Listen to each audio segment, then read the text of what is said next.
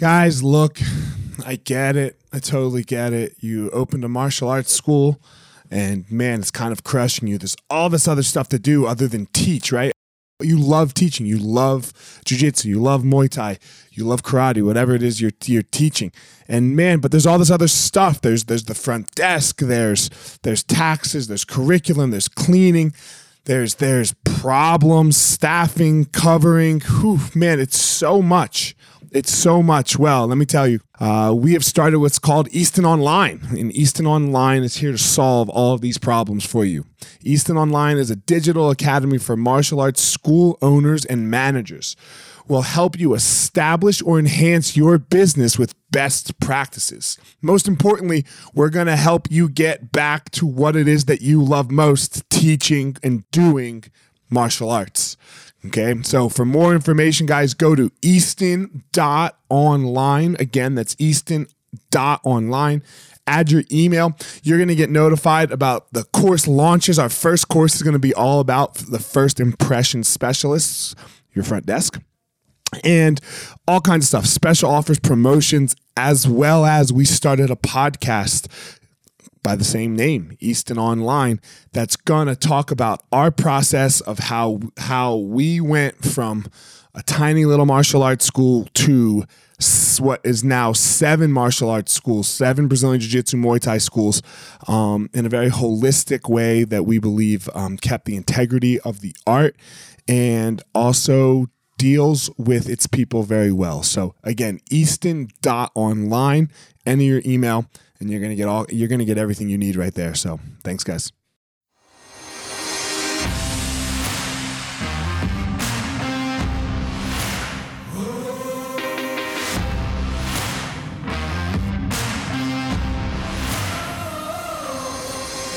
What's up, my ninjas? This is former UFC fighter Elliot Marshall, and this is the Gospel of Fire, where we are going to learn how to go into the fire so that we can find our power and live the best life possible.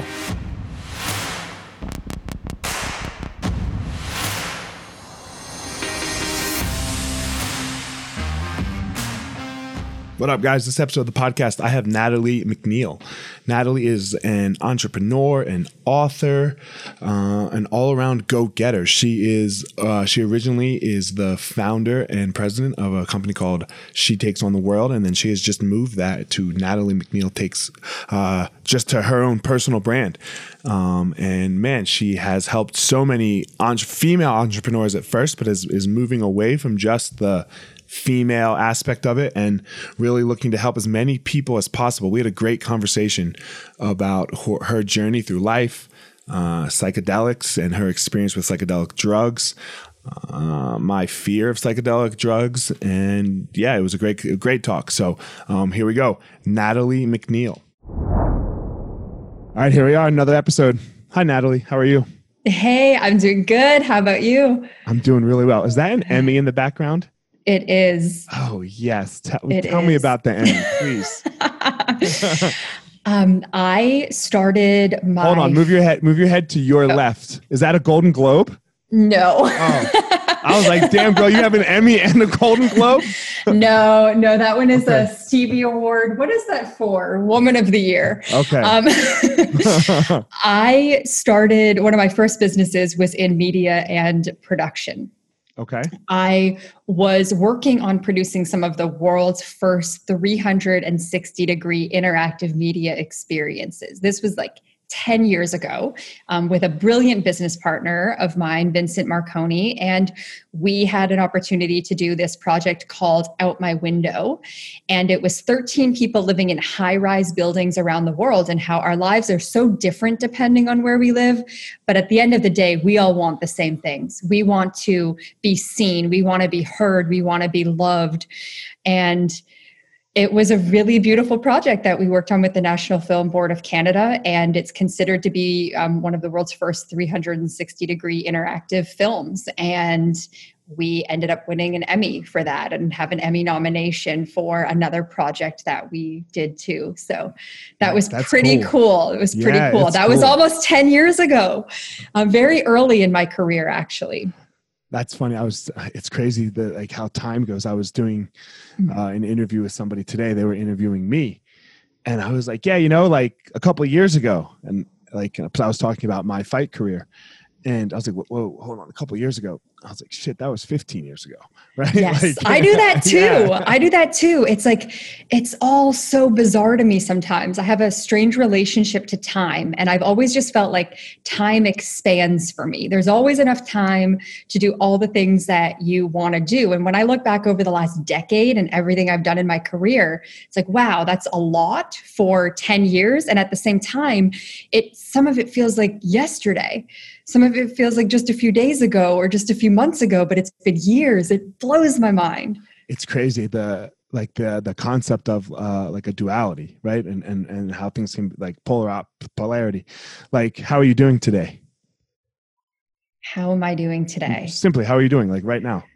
I am full of joy today. Yeah, you're pretty good, but you're not that good, right? Because we're stuck in our houses and coronavirus, right? Like we're That- fine, but we're not is- really that fine, That's true. right? That's like, true. And we can, what I've learned is that we can be with all of it at the same time. So I have this concept in my coaching methodology too um, internal accord. And we create this internal accord instead of discord when we actually accept everything in its totality. So if we're if we're looking at the total and totality. It's like i can feel immense joy today and i can also feel sadness and grief over what's going on outside and um, what people are experiencing right now as we move through this challenge that is this pandemic that we're in.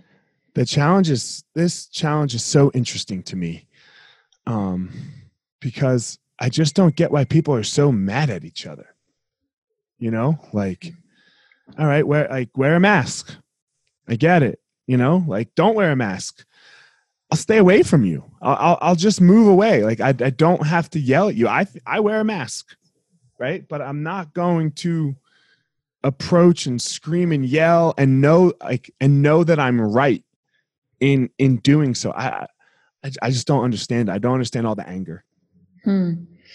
And I, I've seen it in different pockets that I've been in where that comes out a little more. I think experiences like this, you really get to see someone's colors. You really get to see um, where someone is at. It brings out it brings out all of you and um, and I've I've seen that play out in different ways. You know, some people show up and they're leaders and they're seeing what they can do, and others are just like angry and they're taking that anger out on other people. And there's it, there's so much happening, and I think it's interesting because people also have this time for stillness and introspection like never before. How often do we avoid being with ourselves and distracting ourselves with all of these options that are available to us in any given time that we don't have access to right now. So people are forced to go within and look at themselves a little bit. And that brings up a lot of stuff for people. So I actually have a lot of compassion for people who are in these states of anger or grief and how they are expressing yeah it's it's a, it's very interesting right because um i know you're you're big on the mental health Mhm. right? And meditation and i am as well. Um i am a, i can be a very acute anxiety sufferer. Um so yes I've, I've worked very hard on on my my own personal mental health. Um and i think sometimes it's exactly what you said. People just you have all these things that can distract you like all the way down to what restaurant are you going to eat at tonight?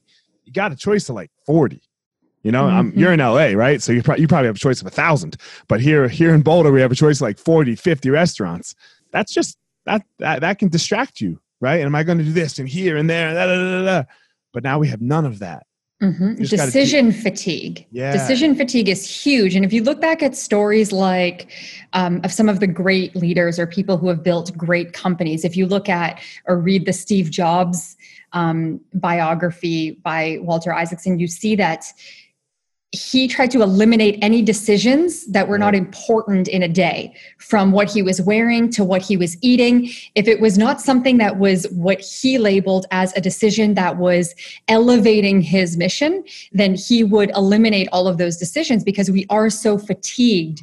And i think that's something that we can all ask ourselves like how are we putting ourselves in situations where we have so many decisions that we are contemplating, how can we get rid of some of those? so that we are clear, we have more clarity, and we have more space for actually working on our missions and what we want to show up for in the world. Yeah, it's. I personally think that people, eh, but that that takes a lot of introspection. introspection yes, which right? people have are, people have to do right now. Right. Yeah, you have to you have to get in like you have to get okay with the shit side of yourself sometimes, right? Like we're we're all we're all flawed. We all have we. All, I don't want to say flawed. I don't like that word. We perfectly all have th- imperfect. Perfectly imperfect. Yeah, there we go. We all have things that we could do more skillfully.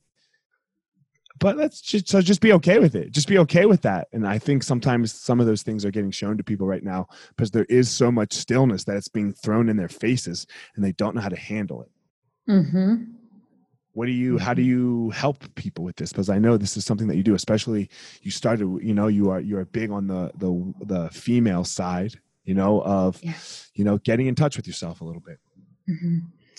So i have a very holistic approach to coaching and i've studied a lot of different modalities that get woven into my coaching approach. And one of the things that I get people to start with is um, one of the best ways to start releasing things that are stuck in your subconscious is by speaking to them or allowing those energies to speak. So, what do I mean by that? If you are sitting, like right now, a lot of us are in a space of introspection and have been forced into that space. Um, if you drop into meditation, or even if you're not in meditation, but you just feel something coming up, there is grief or sadness or anger, be with that for a minute. Instead of pushing it down which this is what the distractions allow us to do. The distractions allow us to just put all of that aside and not look at it. If you be with that even for a few minutes and i like to ask it what do you want me to know? What are you here for? What am i not looking at? And i do that through a practice called stream of consciousness writing which allows your subconscious to release what it's holding on to. So let's say that you have this energy of anger coming up. You're feeling really angry. Be with that. Drop into the anger. Where is the anger in your body? Let's say it's in your gut. It's in like your middle belly, your abdomen, it's in your gut.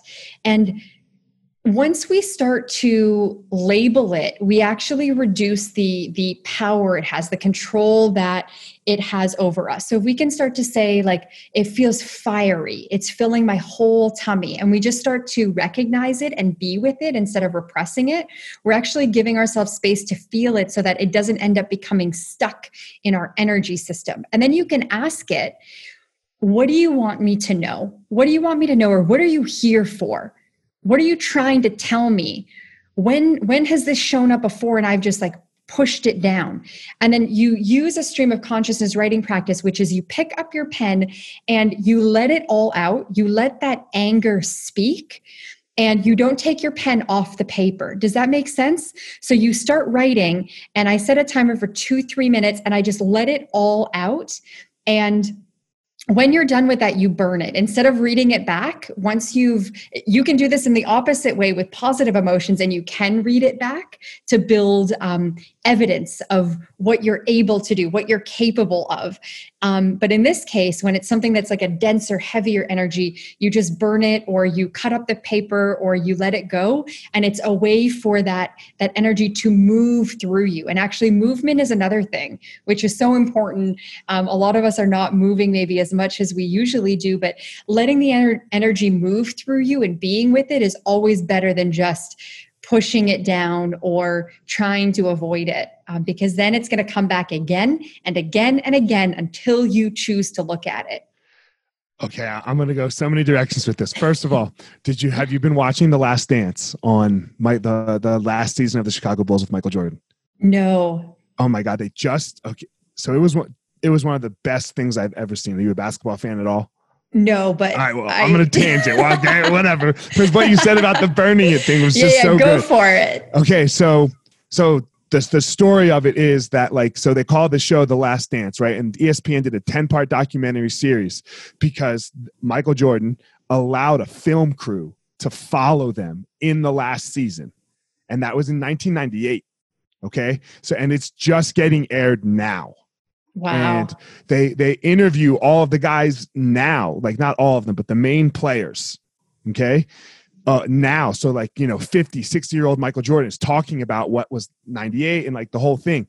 So, anyway, so it, it's all over. And last night was the 10th episode, the last episode, and it ended with Phil Jackson, who's a Zen Buddhist. He was the head coach, mm-hmm. had all of the guys come in and they knew it was over right? It was done. Phil Jackson was moving on. They called one last team meeting and they all got to read something. And then they put it, they, they had to take time, write it out, and then read it to read it to the team. And then they put it in a coffee jar and they burned it. And they never spoke of it again. And they all said it was one of the most touching and peaceful and loving and just so so amazing, such an amazing experience of the mm-hmm. writing it, reading it to each other, and just it's gone. It's over. Yeah, beautiful. It was so cool. I mean, it was so cool. I love um, that. And I'm I'm I'm a huge Michael Jordan fan, and I know he's a piece of shit. Like I, I just don't care. I, I, just don't care. Mm. Um, but anyway, so where did you get into all of this? Where where where did where did this start for you? Like, because I mean, I know where it started for me and this whole mental mental health stuff. Why? What happened? What like did something happen? Did you did you had that was it thrown in your face like it was mine, where it was screaming at it that you had to work on it? Why? Why and hmm. how? I, eh, I guess for me, it wasn't that way really in my adult life. I've had times where I've had what feels like a, a, greater awakening, but from the time I was a kid, I've always felt very connected and I didn't always understand it. I didn't always understand why other kids around me didn't see the world the way that I did and didn't spend time like contemplating. I did a lot of journaling. I would lay in the grass and look up at the sky and go into these like deep states of meditation as a kid um, and i look back on that and and i've always asked myself like why why did i just have that in me and i was with a Balinese healer, maybe like five or six years ago, and he was looking at my feet. Balinese healers, they'll like poke into your ears and like get a stick out and like poke your feet. And it's an interesting experience. And he said to me, so when I was born, I had a, a near death experience. I almost didn't make it um, when I was when I was being born, and I was taken out with forceps, and the forceps ripped off um, a huge part of my skin on the right side of my face. It it took me out like this instead of it's supposed to go around your head. The forceps. So. Um, I had this experience and he picked he picked up on this. I didn't say anything to him and he was like, you had a near death experience coming into this world. And that opened your perspective in a very unique way. And i was like blown away when he said that. And so i don't know does that is that why? Maybe. Um, but i've always felt very connected as a kid. And then i did my first meditation retreat as a teenager when meditation was not a mainstream thing at the time. People how, how thought it was I'm 33, and this okay. would have been about 15 years ago. So yep. meditation wasn't like it is today, and people thought it was bizarre that I was choosing to go and do a meditation retreat. That wasn't something people regularly did. So um, it's just something that I've been called to. And I've always felt deeply connected to something so much greater than myself. Are you religious?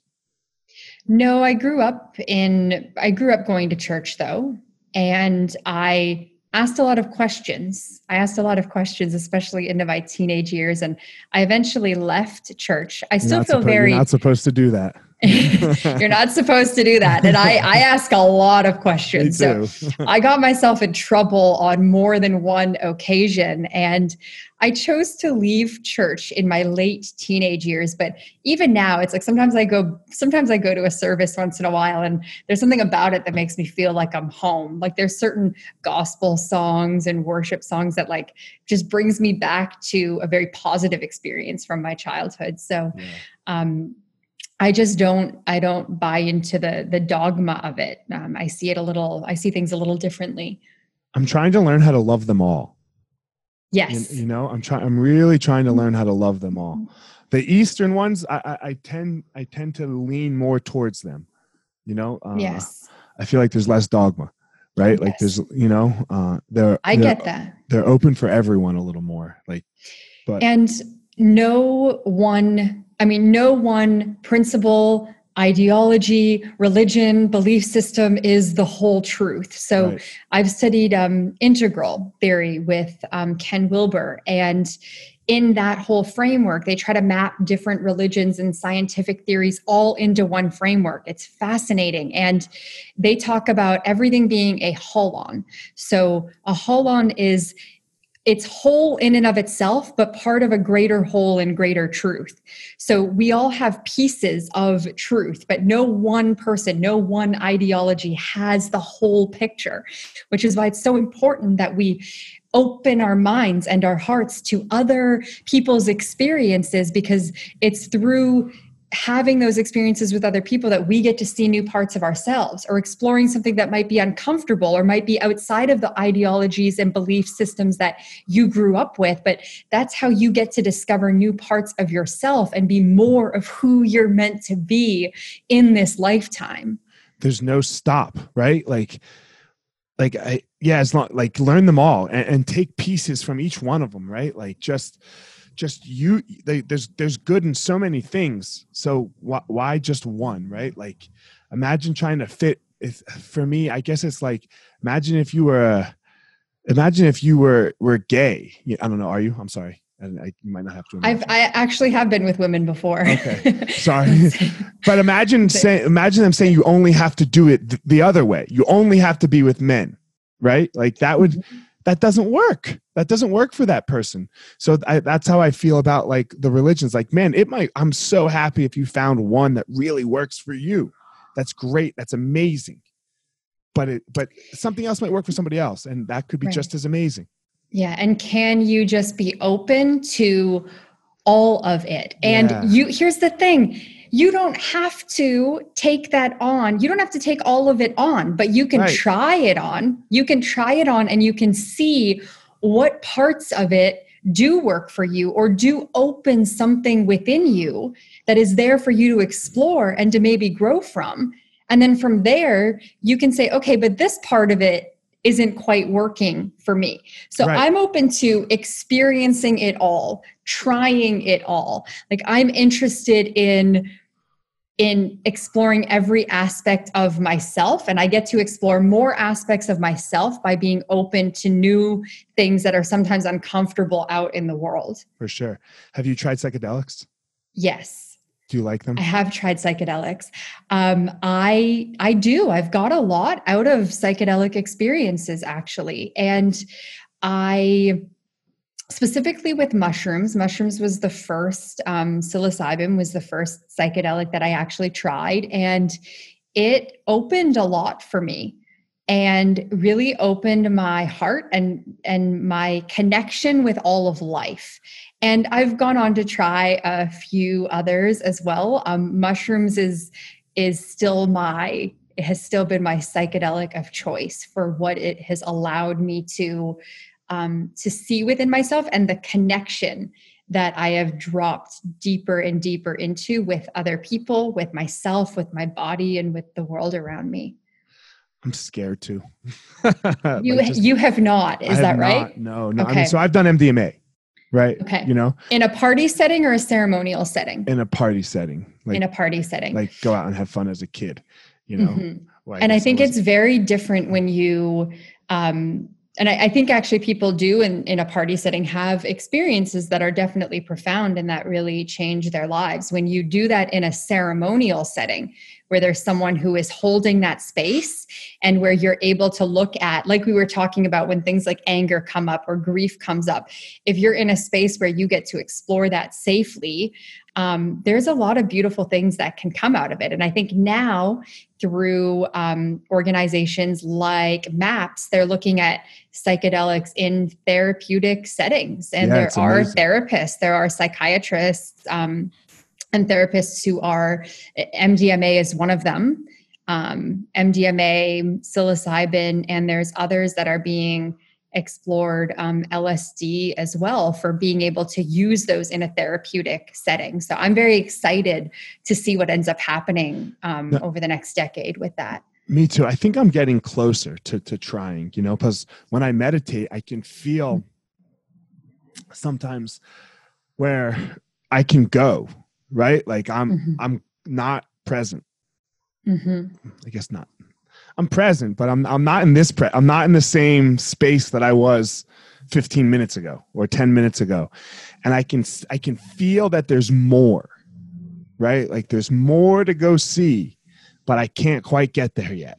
you know, like like there's like my my fear or my consciousness is, is holding it back and and I would like to go see what that what that what that, what that is over there. What's the fear around um, trying psychedelics for you? So I have bad. I, I can have really bad anxiety, you know, mm-hmm. um, and sometimes things can go sideways just in general, and uh, going sideways scares the fuck out of me.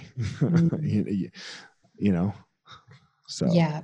Yeah, and I think, I mean, this is why I'm so excited about some of this research that's being done because it sounds to me like you would be a great candidate for doing that in a therapeutic setting. Like if you feel safe and you know that someone's there and like has got you, is right. holding that space for you, then um, then that allows you to get more out of your um, out of your mind and yeah, really someone's going to take care experience. of experience. Yes yeah, and I'm not like Sam that Harris. safety is so important. Did you, you, did you yeah, for sure. Like did you hear what Sam Harris did this last time he did, like he hadn't done it in like you know Sam Harris is?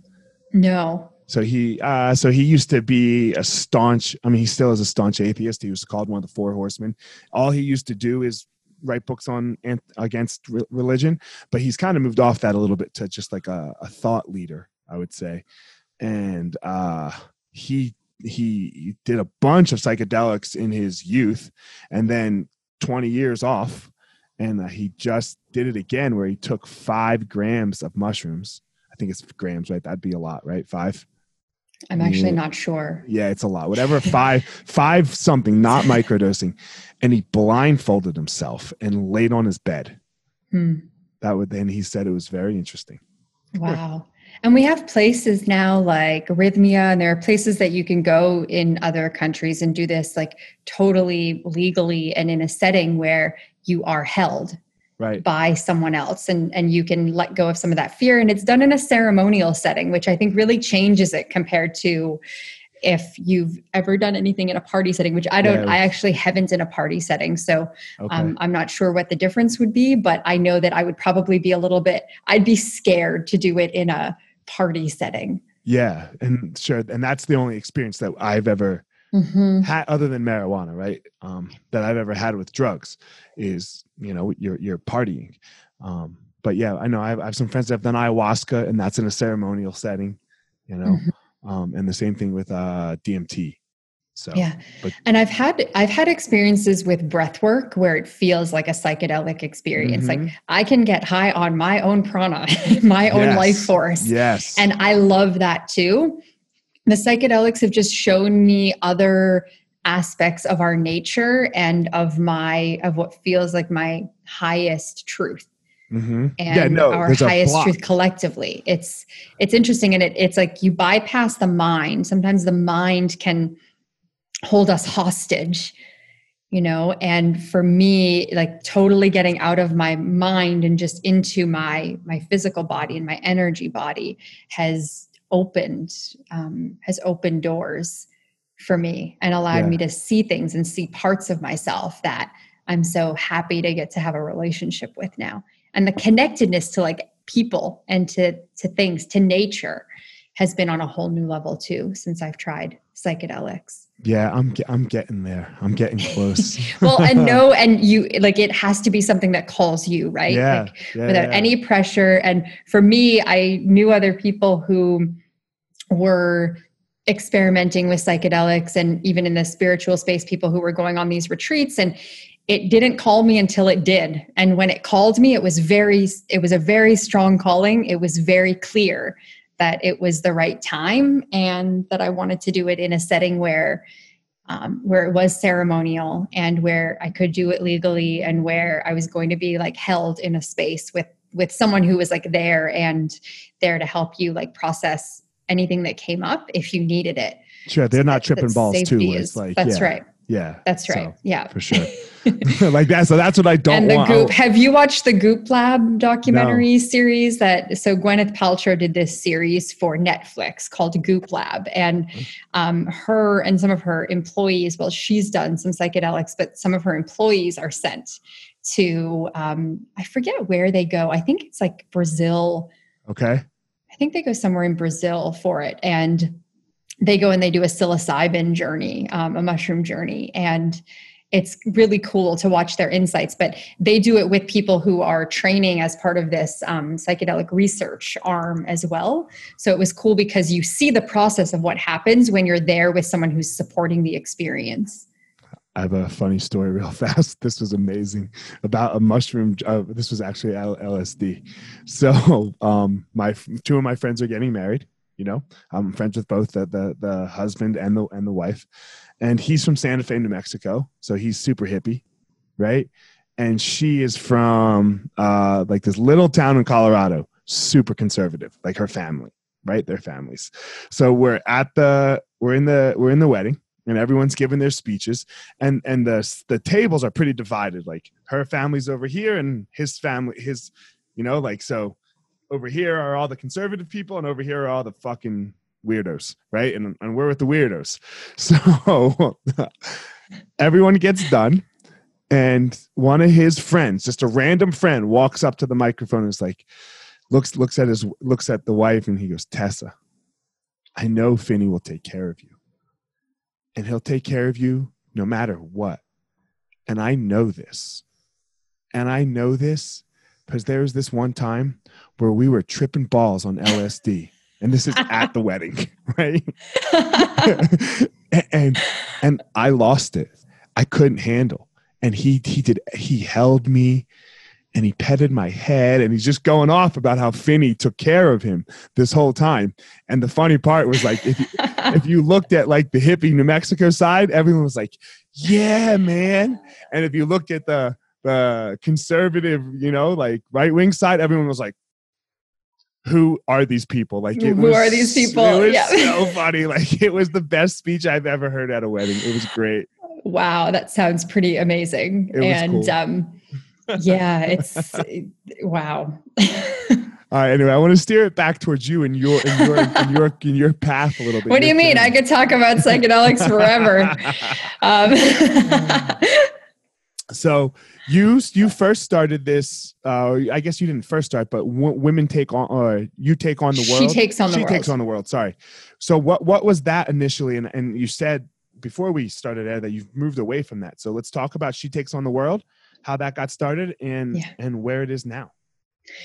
Well, I going back about 10, 11 years ago, I was building my media business at the time and really excited about everything I was working on for that. young, so 22. I was young, yeah, yeah. And I was in a pretty male dominated space. Yeah. And I started She Takes on the World as a way of sharing my experience being a young woman in business. And it was just a little blog that I started writing that took on a life of its own and became a company in and of itself that was not expected at all. But before I knew it, I was writing a column for Forbes. I was being featured on some of the biggest media platforms in the world, all from this little blog. I became um, an influencer on Twitter back when Twitter was like a lot of business people and was still in its infancy. Oh my God, and I hate Twitter now. that I, I know a lot of people do. You know, I'll always have a, a love of Twitter just because of starting there sure, and sure. who it allowed me to connect to. I got a lot of my early press from Twitter. And then I got a book deal for uh, uh, like it all just took on a life of its own. I was still running the media business. And after a few years of juggling both of those things, She Takes on the World was at a point where it was growing, and I made a decision to actually focus on building it and building out an incubator for women entrepreneurs, publishing books under that brand, doing a lot of speaking and events. And so I, I focused on it for a few years. And I have had I had that for 11 years when I decided in 2019 that it was time for me to let it go. What I realized was that I was I was hiding behind She Takes on the World. I had started it when I was very young. I started it when I was in a very different place in my life and in my business and it felt like it had it had a brand. It had a certain kind of um follower and the niche was very clear and i felt like it was one part of me but it wasn't all of me. I wanted to have a brand that felt like i could go in so many different directions and i i want to talk about things like psychedelics when i feel called to. I would have even a year ago not talked about that. Like if you would have asked me that question a year ago i probably wouldn't have wanted to go there with you. And it was because of the brand that I had and the way that people perceived it and the niche that we were in. And it was just starting to feel a little limiting to me. And even though I would tweak it and I would, um, I would make it feel like more of me. It didn't feel like all of me. And so moving to nataliemacneil.com and being under this personal brand where now I have I have different projects and I'm building an institute um, called the Institute for Transformational Embodiment. Transformational embodiment is my multimodality holistic coaching model that I use um, with clients to support them in transforming their own lives and then also training um, other coaches as well. So I have different projects now that feel like they're such a good fit under me as a brand, um, but didn't feel like a good fit with She Takes on the World as a brand, which is why I started to move away from it. And I also, um, I also work a little bit with men too, and and that wasn't a good, that wasn't a fit either. So, for a, a, lot of reasons, I decided that I would stand powerfully under my own name and rebrand under Natalie MacNeil. I want to know more about She Takes on the World, I guess, yeah. to start. Like yeah. and and why why you couldn't like why you couldn't do it there as well, other than the male part. Like I get the male part, right? Like mm-hmm you're not you're not yeah you know. Yeah. So she takes on the world i had built with multiple revenue streams um, events mostly for women entrepreneurs um, events for women entrepreneurs books for women entrepreneurs and different online programs and an incubator for women entrepreneurs. What does that mean an incubator? An incubator it was one of the first virtual incubators. So I worked with people in a one year capacity. So they would be part of the incubator for a year. And it was a way to accelerate their business growth through my support and support from a whole team of mentors in different areas of um, expertise. So we supported thousands of women entrepreneurs through our programs and through the incubator. The work that I feel called to now, one of the questions I ask myself often, there's actually two. Would I choose this again? And what is my highest and best use on the planet right now? Would I choose this again is a powerful question for taking inventory of everything in your life and seeing what's there just because you once said yes to it, but it no longer feels in alignment for you. Holy shit! Talk about something that's going on right now, right? Yeah. How many people are do are probably doing that now because Yes. When, they've never had time to do it before in their life, right? Like you had all yes. this, you had all this shit. So, yeah. but anyway, go ahead, explain more. Sorry. The choices that we make are everything. Like the fact that we have the the freedom to choose, and not everyone has the freedom to choose, depending on where you live. Um, you may not have the freedom to choose and have sovereignty in your life. For most of us listening to this podcast, we have freedom of choice in some way, shape, or form. I so disagree and, with you. I don't. I don't. I don't believe in free will. Hmm. Interesting. I believe. I'll have to. We, we, yeah, hold, yeah, I'll explain a little bit. I believe that we are a combination of our chemical makeup versus our life experiences.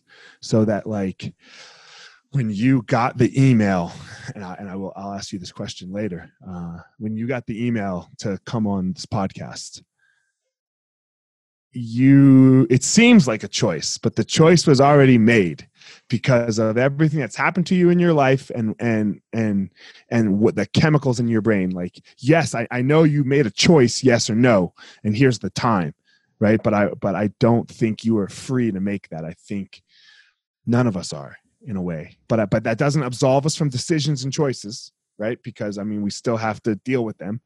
Um, but I I it it, is, it has given me more empathy towards other people not believing in free will.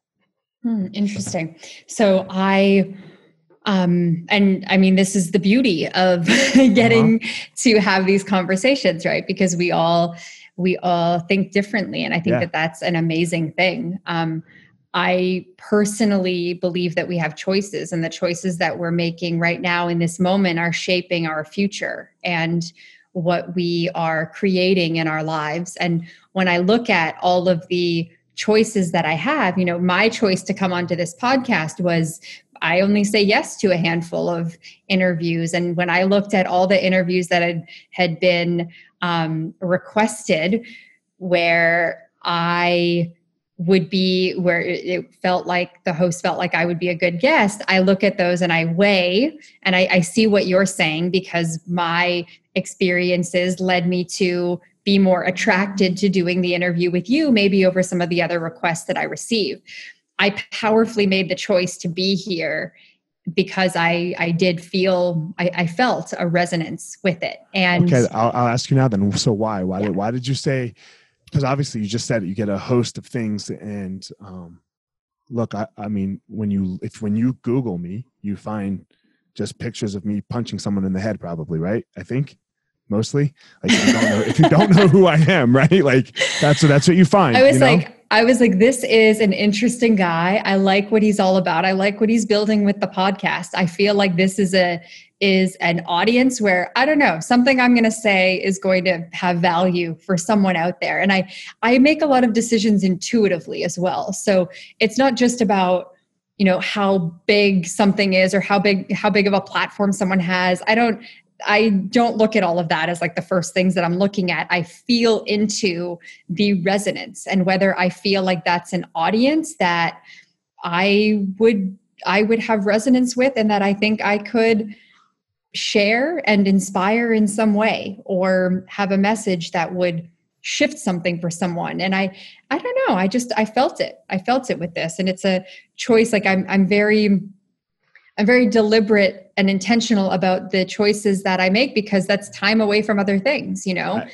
An yeah. hour with you means that it's an hour I'm not spending on my business or somewhere else and I I felt very strongly that this hour with you was exactly where I needed to be for whatever reason, sure. right? Yeah, for whatever reason. And so I think that there's truth in what both of us are are saying as the, there's always truth in what there's always truth in everything um, yeah, I agree. It's, so, it's like the coronavirus thing that I was talking about earlier. I don't know that I'm fucking right. Like you know, my free will take. That's just what I think. I I would. I'm very easily could be wrong. Like, and I think so, that yeah. this question that I so that's one of the questions. Would I choose this again? And I ask that question because I think too often we get complacent in our lives. We start to go through the motions. And when we start to go through the motions, we're missing out on the present moment. And we are dragging the past into the present, which means that we're losing the present.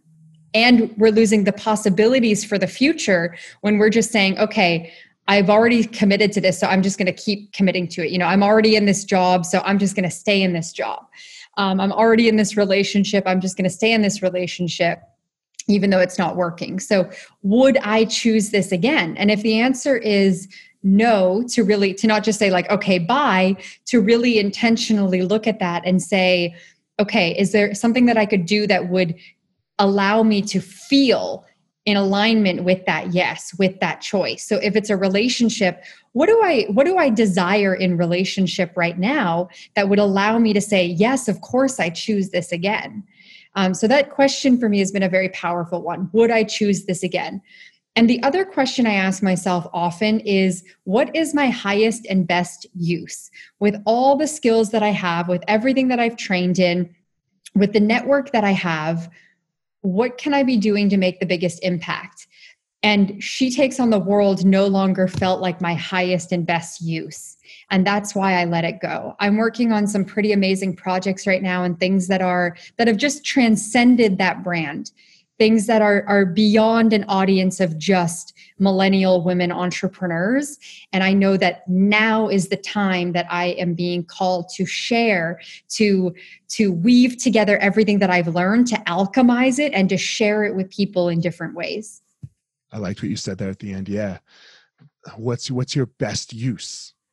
You know, I, like what what are the highest problems that i can be solving right now i want to be contributing to solving things on a systemic level right now. I feel like i have enough knowledge and i have a big enough network that i can be making a bigger difference than what i was making. She takes on the world felt like while it had a while it did have this like grandiosity to it.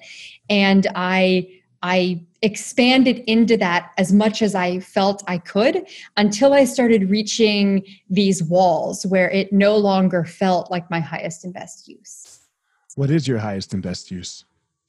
I believe that we're always figuring that out, that we are always expanding our capacity. So it's really your highest and best use is about expanding into your present capacity. And as you are in the fullness of your capacity, that capacity continues to expand and continues to expand. So, right now, my highest and best use feels like this coaching methodology that I've created that is very holistic and that is multimodality that weaves in different truths and different um, different models of coaching and also different aspects of spirituality and, and different modalities like um, emotional freedom technique and breath work and meditation and gestalt and putting those into a coaching methodology too because so much of coaching is based on the mind. We talk so much about mindset being everything but when we focus on mindset being everything we are ignoring our energy bodies. We are ignoring our emotional bodies. We're not bringing in our physical body um, all the time as well, although some coaching methodologies do bring in your physical state. So I believe that we need to approach it more holistically. And that's the methodology that I've developed that I'm really passionate about sharing right now through my institute. And that feels like highest and best use. Um, also looking at how i can serve in the world so in my philanthropic endeavors you know what can i do to support people who are solving big problems right now in the world to create the kind of future that i want to see that i want to see take shape? And you know what? A year from now my capacity in in stretching myself out in going beyond she takes on the world and in choosing to step into sharing this methodology and supporting other people in becoming powerful coaches and leaders and transformers for our generation and people who are creating these new paradigms in the world. As i continue to share that my capacity will expand again. And a year from now we might be talking and i might be saying hey elliot a year ago that was my highest and best use. And now it's this and i believe that it's a we're on this ever expanding journey that there isn't a destination for. I yeah there's no there's no such thing as made it. You never make it. That's right. I don't know when you make it. Um back up i don't know one minute. When you said where you want where you would love to see the world go where would you love to see the world go in your you were talking about in your philanthropic efforts you know? Mm. but so but you, and you brought that up where where where yeah. where do you where do you want to see the world as a whole go? Okay this is such a big question i could like talk to you about this for hours. So first i don't believe that this goes back to the beginning of our conversation we are all holons we are all complete we are whole and complete but we are part of a greater whole. That means that no one person has the whole truth, as we were talking about earlier. I don't believe that the way that I would create the world is the best way to create the world. I believe that leaders, that people who are passionate about bringing about change need to work together and solve problems together because different perspectives are so so important so um, the way that I want to see the world, I don't think that that would be like the best world ever. I no, want to make okay. that I want to make that very clear first. The world that I would like to see is one where we can all see each other's perspectives, where people have an openness to them an open mind and an open heart where they can let other perspectives in that we can look at another person and instead of immediately finding the things that we see wrong with them or wrong with their beliefs that we really listen to them and see them and have those different perspectives that we get to look at and sit in. From that place there's so many systemic issues like how do we solve the problem of not everyone having equal opportunity you know especially in this country. I'm canadian and i believe that people i believe that the system while the system is not perfect there are there's more access to opportunity for everyone than in a country like the united states. That's a whole other topic though that we could get into. Um, i want to see a world where we care more about the environment where we don't see ourselves as the most important beings on this planet um, one of the things about coronavirus that is really interesting is that if you look at the other beings on the planet, they're thriving while we're inside. yeah, that tells are. us something. You know, the air quality in Los Angeles has been the best that it has been. Like we've seen the lowest levels we've seen of pollution, as have so many other countries. Well, like, you saw that map in China after two weeks. Yes. Right? Like it was all it was gone. So Mama Earth has been um, has been happy that we've been inside as humans and animals as well. Like we are not the only beings on this planet, and we are not the most important beings on this planet. Um, waking up into that, I believe, is really important for the future of humanity and for future generations. So companies that are more sustainable and really look at their actions and how those actions are affecting other people. Like how do we create a more fair and just world? Not just for uh, not just for other people but also for for the earth. Like how do we create that balance? And i don't have the answers to that but i like sitting down at the table and seeing what we can do in the areas that we have resources in and and seeing how can we all play our part you know i one of the cool things i have an opportunity to host every year um, is a group of successful women entrepreneurs on um, Necker Island, which is owned by Richard Branson. And Richard Branson joins us for our discussions about the kinds of changes that we want to create in the world. And he talked about this is really interesting from my last um, experience with Richard, he said that we all have the ability to draw a circle around ourselves, right? So within that circle who can i who can i support? How can i play my part? For some people it might be your immediate family. For some people it's in your neighborhood. Like how can i support in my neighborhood? For other people it's i have the capacity to support in my city or in my country or this organization. Or for richard he's very passionate about ocean conservation and cleaning up our ocean. So he's like within my circle and the resources i have i can support the ocean I can choose to take on how do we support our our mama ocean and we can all draw that circle. And what starts to happen is if we draw the biggest circle around ourselves that we possibly can, those circles start to overlap. And it's in that overlap where we have an opportunity to create exponential changes. When I join with you and say, okay, Elliot, like you and I are both passionate about this one thing and our circles overlap here, how can we support each other? And it's about everybody doing their part. We all have access to different resources, we all have our different beliefs, but find something that you're passionate about making a difference in and do what you can because that's how we create the change. That's how we be the change that we want to see. Yeah. I'm not even gonna yeah, that was yeah, that was great. like there's nothing else to say. like I we we just need more space for each other and we have more space for each other, we're gonna have more space for everything. yes. Know? Like, you know, like it's just this idea that someone is right, like you're right or I'm right, is just it's gotta it's gotta take a step yeah. back a little bit, you know? Yeah. It's gotta take us we gotta of, slow down with it. Instead of trying to be right, try to be more open. Yeah. Like let go of right and step into openness instead. I have a friend who uh he, he is a Buddhist, you know, and we were talking about something the other day, and he's like, "Have you ever noticed how big Buddha's ears are? You know, like every everywhere you see Buddha, You know, he's got these big droopy ears.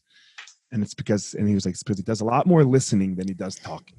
You know, he's got, you know, and I was like, you never see his mouth open and you see big ears. Mm. And I was like, yeah, it was really, it was really amazing to just like think about it that way, right? Just like really try to hear somebody else for the point of listening rather than for the point of responding. Yes. So, yes. Natalie, thank you so much for coming on. Oh, Elliot, this was so fun. Thank you, everyone who has been listening to this conversation. I have really enjoyed myself today. My joy levels are even more elevated now. I hope when you ask yourself, would you do it again? That the answer is yeah. You don't have to answer. It's okay. Absolutely. You know? Would yeah. I choose this again? Choose again? Hell yes.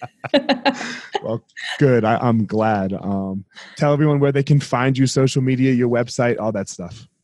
Yeah, I am at Natalie MacNeil, and MacNeil is M A C N E I L. Natalie MacNeil on um, social, on Insta. Send me send me a DM. Let me know your biggest takeaway from this episode, and you can also come and check out um, my work and my coaching and my books at nataliemacneil.com. All right, Natalie, thank you very much, and to everyone listening, as always, guys, you all have a unique power it's not Natalie's power and it's not my power. It is your power. So go out there and find it. Go out there, discover it.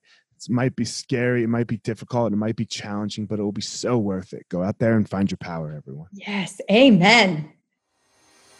All right, everyone, thanks for listening to this episode of The Gospel of Fire. If you enjoyed the episode, I'd love a review on iTunes or wherever you are listening to this podcast. Don't forget to follow me on social media at Fire Marshall 205 if you're a BJJ enthusiast, check out my YouTube channel. I put all kinds of instructional DVD uh, videos out on there, so go check it out. My book is still out on Amazon by the same name as the podcast, The Gospel of Fire.